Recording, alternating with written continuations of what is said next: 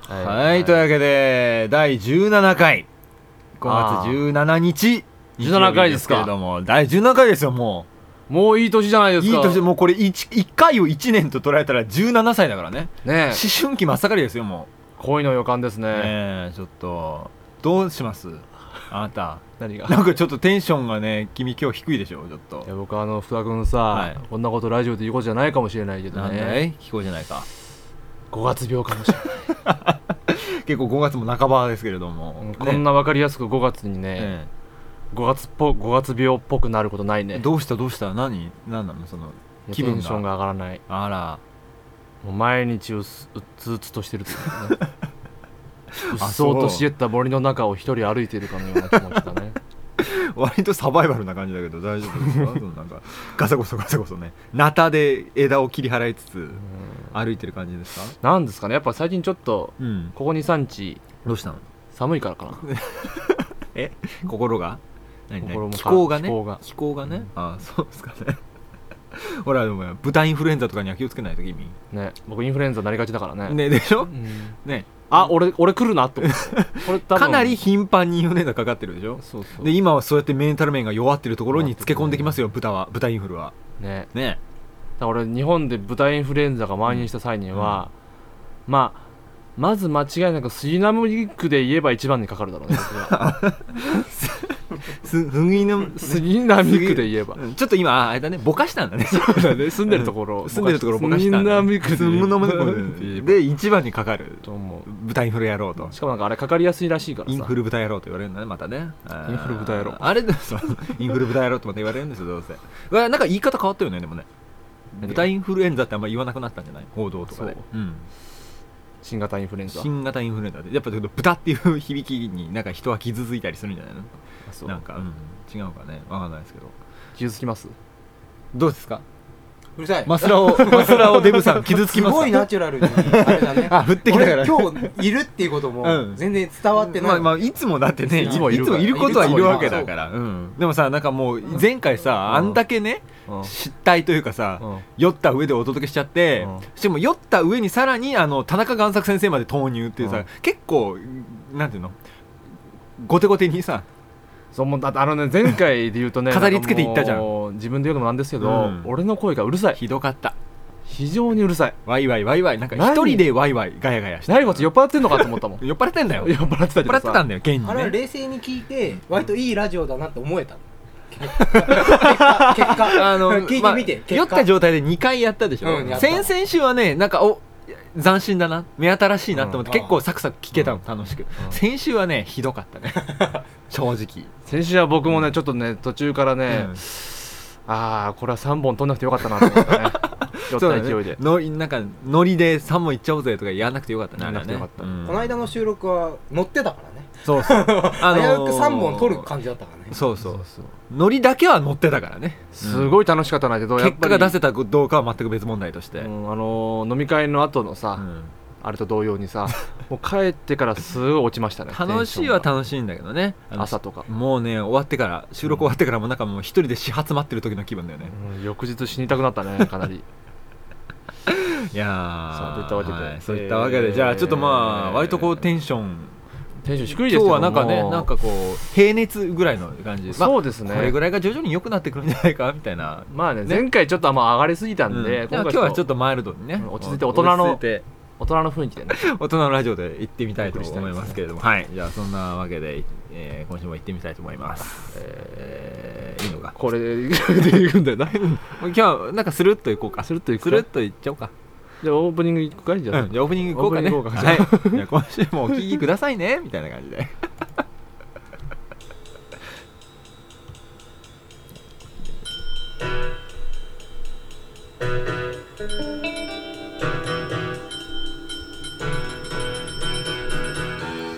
MST と福助のお金をあげるから付き合ってください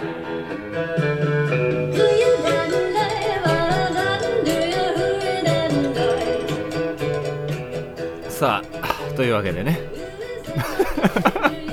なんどうしたのあのさそう豚インフルエンザといえばねちょっと話したいことがあって、はいはいどうぞあのーなんていうかな親からさ実家からなんていうのまあ食べ物とかねうんあの生活用品とか困ってるだろって送られてきたりするわけうんで今日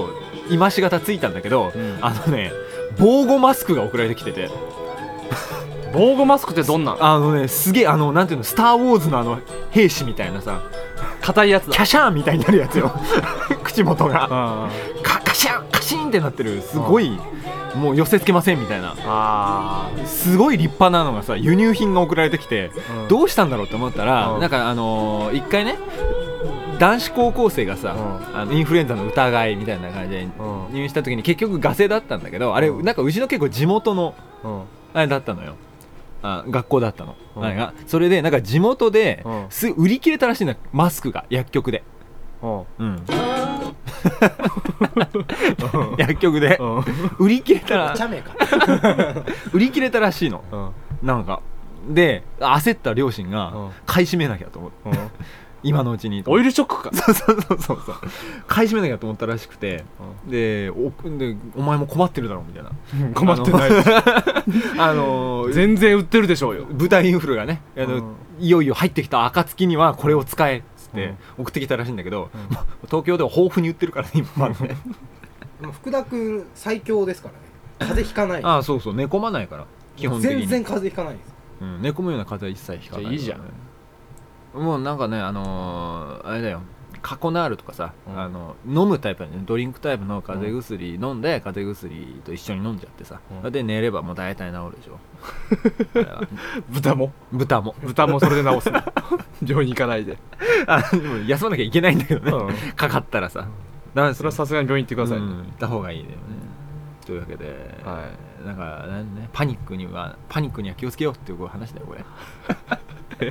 それどういうことうちの実家地元の方ではねあー大きそう小さなオイルショック的なことが起きてたわけだからパニックでデマや島憶測に流されちゃいけないなっていうそうだね情報化社会を生き抜こうよっていうね話ですよ自分も最近個人的にパニック障害らしいけどちょっと仕事がね詰まっててさ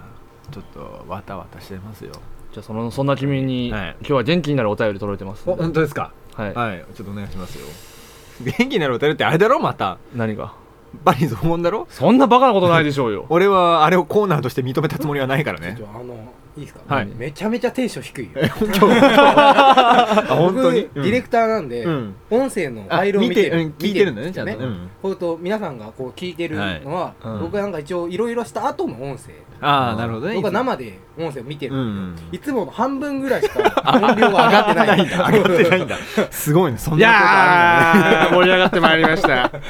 あのねいや無理しなくていいと思うよこれ寝てる時に聞いてる人だっているんでしょだからこういいなんかいい頃合いのアルファファを出してこうよ そうかうんじゃあごめんなさいねたまにはこういうのでもいいんじゃないあこうなんのかダダウナウごーわつ病です僕ねダウナーな感じでいいんじゃ ないの五月五月病ですって はいごわつ病 ですんでまあはいそんな彼もねなんか読むんで しょ読みまはすいえー福田君に元気になるお便り紹介しまああいいですねありがたいですねそういうのはね、えー千葉県八街市のはいお ーペンネーそムそ糖質ゼロさんからのお便り おーはい MST さんピンサロ大好きさんこんにちは 行ったこ八とねえ街市の糖質ゼロと申し行っまたすことねえよ先日友人と動物園に行った時に、はい初めてアリクイを生で見ましたおーなるほどねいいですねはいちょうどやつらがアリを食っている最中で、はいその舐めきった舌使いともぐもぐとした口元の不快感がまるで福助さんのようだなと思いました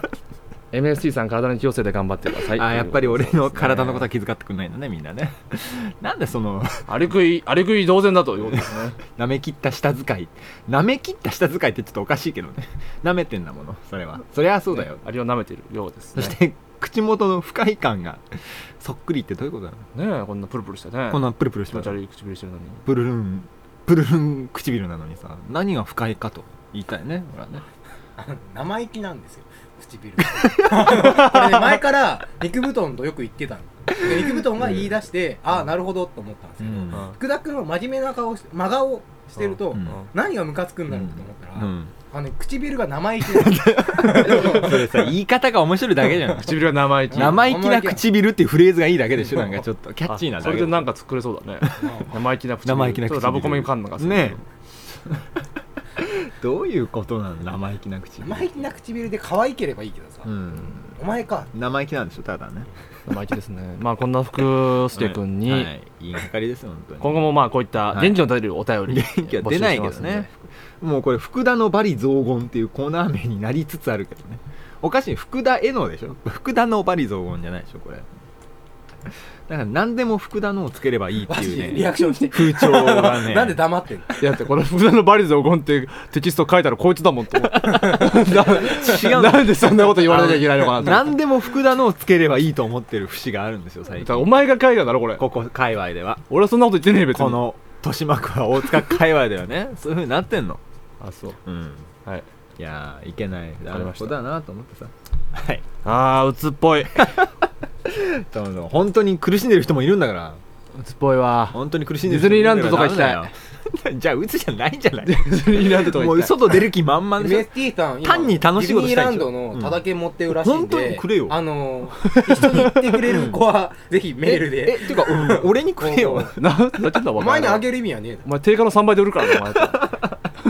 ああじゃあちょっと一緒にね行ってそう一緒に行ってくれる人を募集すえるーディズニーランドのたららけ持ってますんで、ウェブマスタそうーディズニーシーにも入れますろウェブマスターアット大塚入校部とぜひ分ま僕でとね一日夢の国で過ごしたいという方は今どういうキャンペーンやってるか全然知らないだけどね、うんじゃあ MST とディズニーランド行きたい係までね、はい そうですねどしどしメールをいただければと思い ます。さあ、それでは、ちょっとえ結構聞き伸ばしたね、オープニングでね。はいさあ、えーじゃあコーナー行ってみたいと思いますけど、まずはいいいですか、最初、これですよ。上がってますよ、はい。うつでもそれくらいわかるんです よ、わかりました。それでは、よろしくお願いします。はい、はい。モテ判定委員会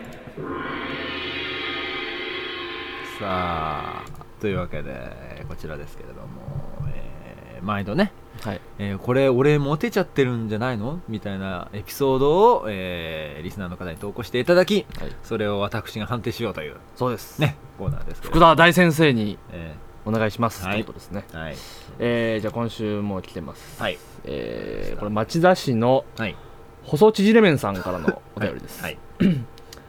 え先日会社の同僚の女の子が、、はいつも上げてきている髪を下ろして出社してきました、おうまあ、いつもなんかあれでしょうねあのなんかこうおでこを持出っしててる持ってるんだろうねあー持ってそういう感じなんですねおでこ出してる、はい、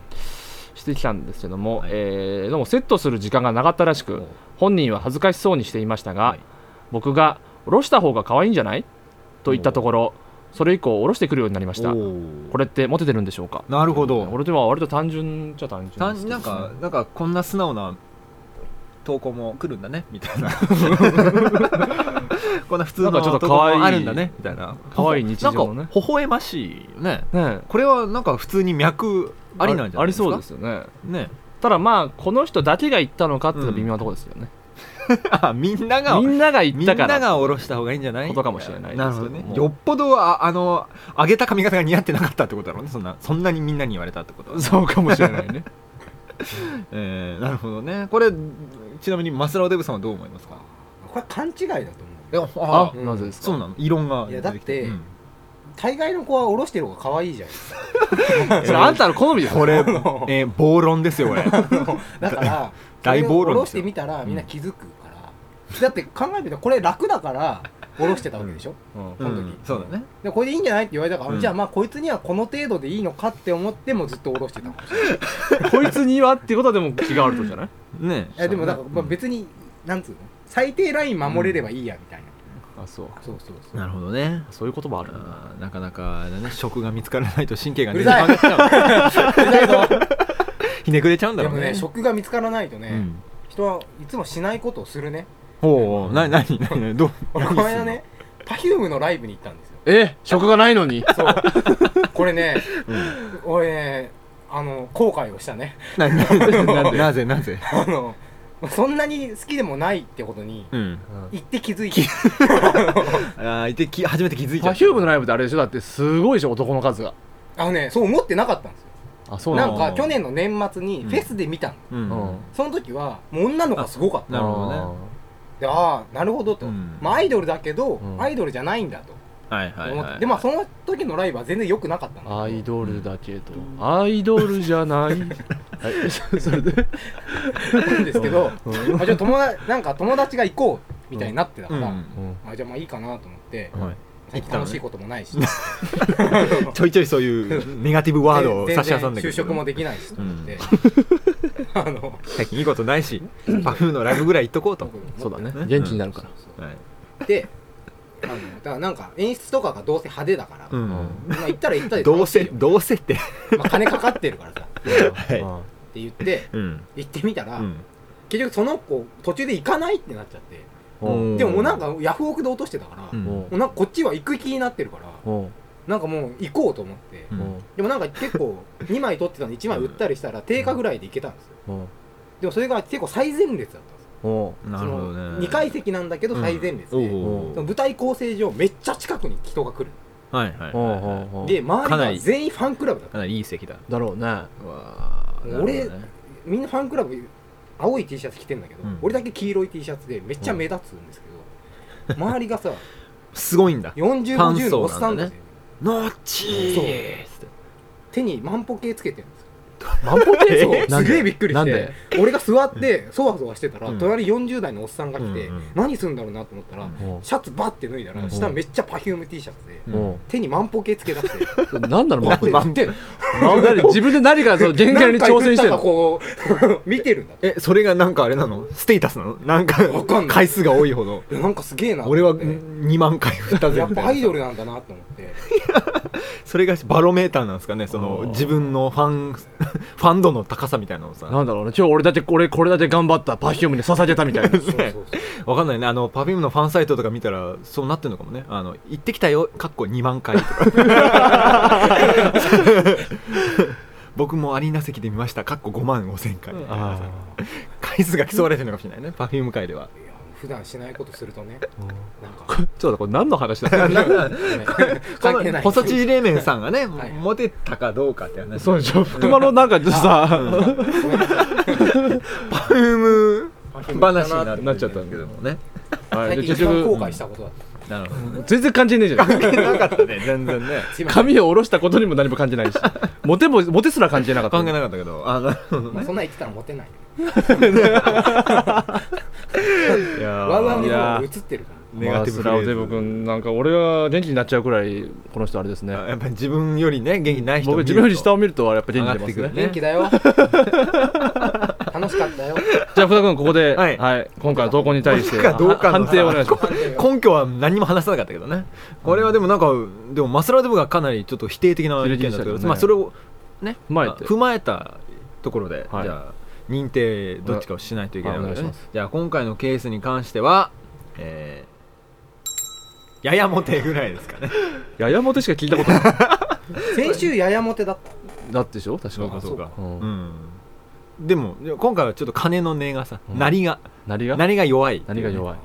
ぐらいですよ、あそう、うん俺これ割とモテてると思うけどそなこそこそこモテぐらい、うんいいのうんこれはまあでもねこれおろした方が可愛いんじゃないって言った時の相手の表情が知りたいところだね、ああそうだね、うん笑顔だったのか、そっけない感じだったのかあそうなのあそうなのだったのか、うんえそうだったのかっていうのはやっぱ違うじゃんそこはねうん微妙なねこれ多分赤いんじゃないっつってまあその辺もちょっと詳しく今後教えてくれればなそうそうだね今回でも今回のちょっと名言は 下ろしたら大抵可愛いっ ていうあのマスラオデムのね女子感絶対下ろしてた方が可愛い下ろしたら大抵可愛いっていう この変なんだろうね趣味思考、趣味思考ですよねそれ僕はそうは思わない ですけどさあ、はい、このコーナー終わりはい、ちょっとか偏った女子感がみ垣間見えたところでじゃあ次のコーナー行きたいと思いますけれども、さあそれではえー次のコーナーのコーナータイトルコールお願いしますこちらです今週のモテゼリフさあというわけで、えーこのコーナーですけれども、えーこちらはですね MST と福助の、えーアルファ派が出まくっていると、えー巷でも評判のこのナチュラルミラクルボイスを生かしてですね、えーミラクルなモテゼリフを、んま、マイク元で支えようじゃないかとうんいうコーナーですけれども、うんね、それして、ね、あのリスナーの、えー、腐女子たちのですね えー夜のおかずにしていただこうじゃないかっていうねそういうコーナーですけれどもね僕はそうは思ってないですよ行ってきますけどいやーしかし今日のテンションの低さはやりづらいな MST このさん間地元の友達がラジオ聞いてくれてあはういんありがたいででモすテありテリありがとうございにまつすうんいてはい言ってくれたんですあよおうはいあで何って言なんっててあどうって言ったらなんて言ったあれは趣味なのって 言われてあいい声を出すのが趣味の人なのって言われたからああいやそういうことじゃないあれあれあれあれあれあれ これは趣旨がちょっと歪曲して伝わってしまっているようだねまあだろうと思いますよいやいやいやこれはもう本当にねリスナーの皆さんに楽しんでいただきたいという一心でうん我々をお届けしているつもりだったんですけどいやまあ基本的には君のマスターベーションにさいやいやちょ付き合わされてるちょあっとるいちょっはとまあ、彼女に対するなんて言うんでしょうね愛情表 現 ちょっとちょっとおかしいでしょそういうのを使わないでほしいんだな、本当は今からやるんだろそんなんだったらなるけどねそんなんだったら俺はラジオではやりませんよそんなのおもし面白カレーと思ってやってるわけですからはいじゃあ次行ったらいいじ行ってみましょうゃん君から言ったらいいじゃんえどうしようか俺俺こっちかなえこれこれ俺でいいの、うんああそっかそうだねじゃあちょっと私から先に行かせていただきますよ、はそうは言ってもねあのこれをいい声で言ってほしいというセリフをですね募集してるわけですから今回もそれでいきましょうはい、それで行ってみたいと思います、えーまず今週のモテゼリフ八王子市ペンネームペコさんからの、えー今週のモテゼリフ君だって千歳飴くらい舐めたことあるだろうまあね下ネタ的なことですよねこれはまあ 言ってみれば、まあどせやねそうだねどんな雨ちえ千歳飴ってあれだよ七五三の時にさ細長いやつだねあれだよなんかレ金ン太郎飴とどう違うあのーごめん ごめん悪くない悪くないようんバスラオデブは悪くないんだリスナーのみんなも思ってるかなとよ思うまあ俺だけだそうかな、近いかな、うん近いかなうん金太郎飴のなんだろうね千歳バージョン千歳バージョンどういうこと 金太郎飴の千歳バージョンまあだねモテないよねこ れはねモテゼリフでは確実にないけどねうんだってモテゼリフって書こうと思ってないでしょそもそそうもだねうんねそれなんでもないからなんかいい声で言ったら面白いんじゃねえかっていうフレーズでしょそうそうそうそうじゃあだから今週のなんかいいこいい声で言ったら面白いんじゃねえかうんゼリフゼリフだったよ本当はね本当はねそれをモテということに集約させるわけそうそうそうそうそういうことモテるっていう言葉の語彙は非常に広いよっていうことだね千歳飴ぐらい舐めたことあるだろう調教かなこれはねなんかすごい飴とかガムとかをずっと口に入れてる子っているじゃないです かたまにいるとしましょういいたっけいるいるそんな人いたっうてん俺の周りにはいないけどなんか周入れりにはてることにしましょうポケットっていうか、まあ、女の子あんまポケットないけど、うんカバンにいつもガム入ってああまあね入れてありまするよ人ねいるじゃないですかああはいはいあのくちゃくちゃくちゃくちゃする人いるじゃないですかああいますうんうんうんかもしれないあれさ汚いとかじゃなくて若干エロいじゃないですかあー汚いとこを通り越してね、ううんんああ やめなよっていつも思うんですよーそんなにこうそういう意戦味で場は的にするここれはまあともないいいんじゃあないかな女の子がガム噛んでるのはエロいエロいとまあなるほどねあのそうですまあ井上陽水が言ってたけど、 パクリですか違う 違う しかもパクリいなやんで俺すすよごいち聞いて中学生の時に、うんうんあ本当だと思って中学生の時古い話ですねだあの唾液系だ から大良くない唾液系だからよくない唾液系、まあ大嫌いまそんなた系があるのかもわかんないけどね、このデブのなん か趣味の話になっちゃいまし なんかたマスラオの趣味嗜好ばかりがねあのフィーチャーされてそうるですか回ですけれども、はいなるほどねじゃあ僕も次行っていいですかああそうですねそうですねはいちょっと待ってくださいねですかはいどうぞえーじゃあ中野くんのペンネーム、薄利多売さんからのお便りです、はい、はいはい、今週のモテゼリフそれ100円ショップにも売ってるんじゃないか これなんだろうあ深川亮みたいだねこれね 深川亮の一言ネタみたいだねこれねみたいだねうんそれ言ったら終わっちゃうねしかしでもそういうあまりに的確すぎてそういう,、うん、そういうコーナーだもん全部そうだだっていうふうになっちゃう、そういうコーナーだもんっていうことですけれどもなるほどねこれなんか買ってきたものが ねねそうだねうんこんなん100円ショップでも売ってんじゃない売っのてんじゃないのみたいなことだったんだねちょっとねうん500円ぐらいしてたんだろうねきっとねこれはどうなんですかねまあどうなんですかねってことも僕ならいまあ優しさなんじゃないですかあ 何の何もっとうん安く買えるんだよっていうだよって教えてあげた教えてよっあてげていうことなもうの全然書いてないんですけど僕この間、うんあの会社の,、うんあのビンゴのビンゴの景品でね、うまんあ、最後の方だったんですけど、はい当たったやつが、よく見たら、あのパッケージにう「ダイソー産業」って書いてあ って、非常に嫌な気持ちになりましたねビンゴなのにねビンゴで当たったんだなもねんだこれはともっといいもん買ってこいよ、ダイソー産業ですかあーそれはまあ、辛いザ何だったの座系じゃなか っザじゃなかったたあそうああ意外とどうしましょうかじじゃあゃあもうこれいっちゃいますかこれいっちゃおうかじゃあちょっとこれぜひねあのマスラオデブさんにもねこのモモテゼリフのコーナーに参加滑してほしいん舌ですのよ悪い僕がですええか、らこれを読んでいただきたいんですこれ読んでくださいこれねああなるほどねはいえーそれではですね、えー、と練馬区のペンネームケチャップマンさんからの投稿です、えー、マスラオデブに読んでいただきたいと思います あそっか一人で操作しなきゃいけないねそれではいきます、えー、今週のモテゼリフこれ食べても食べてもなくならないよえー、これあれだねモテゼリフっていうか今週のデブゼリフだねただのデブだろ完全 にねデブだね喜んでるよねだっい てやなんかあのなくならないことに日々、うんなんか悲しんでるもん喜んでるこれなんだろうね、あの魔法のパフェとかを見つけたんだけどこれ俺だいぶ痩せたと思う食べても食べてもなくならないよそんな言い方してみよう持っただ、えー食べても食べてもなくならんなおいしいなっつってねそうそうそうこれなんかあれだねあのなんだろうほのぼのアニメありますねかなんかだろうねきっとねマジカルファットファクトリーみたいなタイトルペンのネームもケチャップマンさんでもう完全にデブを意識してデまブす意ね識して意る識もしてますねまあケチャップはねケチャップマンってちょっとエロい言葉にも見えるけどねええそれは違うだ合 ろうよごめんなさい美味しいんだよごめんなさいごめんなさい美味しいんだ美味しいんだよってそれもどうなんだお前はっていうのおかしいですけどねさ あ、えーそんなこんなでかなりデブゼリフでしたけれども、はいちょっともうあと5分なんですけどもどうしましょうねじゃあこれなんこかれでもあと3分ぐらい一個くらい一個ぐらい行こうか一個行きましょう一個ぐらい行きましょう行きまはしいょうじゃあ、えコーナーをコーナータイトルだけお願いします急いでいきましょうどうぞこんなまるまるは持てないはいというわけで、えー、とこちら、えー大喜利のコーナーですけれども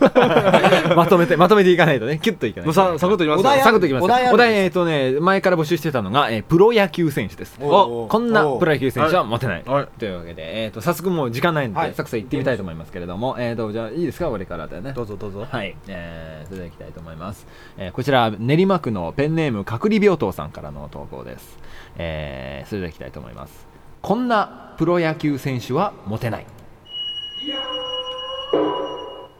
ナイトゲームのことを夜勤といううーんなんかでも切実な感じするねこれね働いてる、あのっていうね後ろに背負ってるよねうん俺でも逆にこれ言ってそうだけどねあープロ野球選手なんかねあー言ってそうんノリでねあれうちわのノリで言ってそうだよねあちょっと夜勤だからみたいな今日夜勤だよっつって夜うち勤はだノよリ言ってそうだねそうねうんうん、意外と普段使いしてそうな感じもするっていうねそうそううんだから昔のまあ最近はそうでもないかもしれないけどうん昔のパ・リーグとかねはいはい割とあのデーゲームが多かった多かかっらたね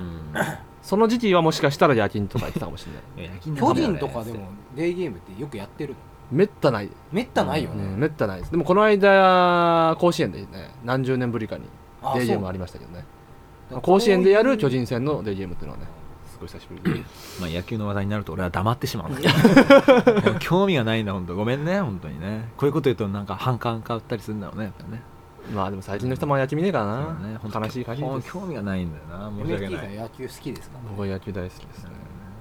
じゃあじゃあもう一個ぐらい読んでみますもかう一個ぐらい読んでいいですかはいじゃあ好きなの選んでくださいえーわかりましたはいいいですかえー荒川区のペンネーム橋田須賀子さんからのはいお便りですはい須賀子ってこれほとんど変わってねえな濁点一個なくなっただけだねはい、えーここんんなプロ野球選手はモテないテーマソングが綿鬼だ なるほどねこの人はもう名前からネタバレしてきてるパラララララララリラーそうですね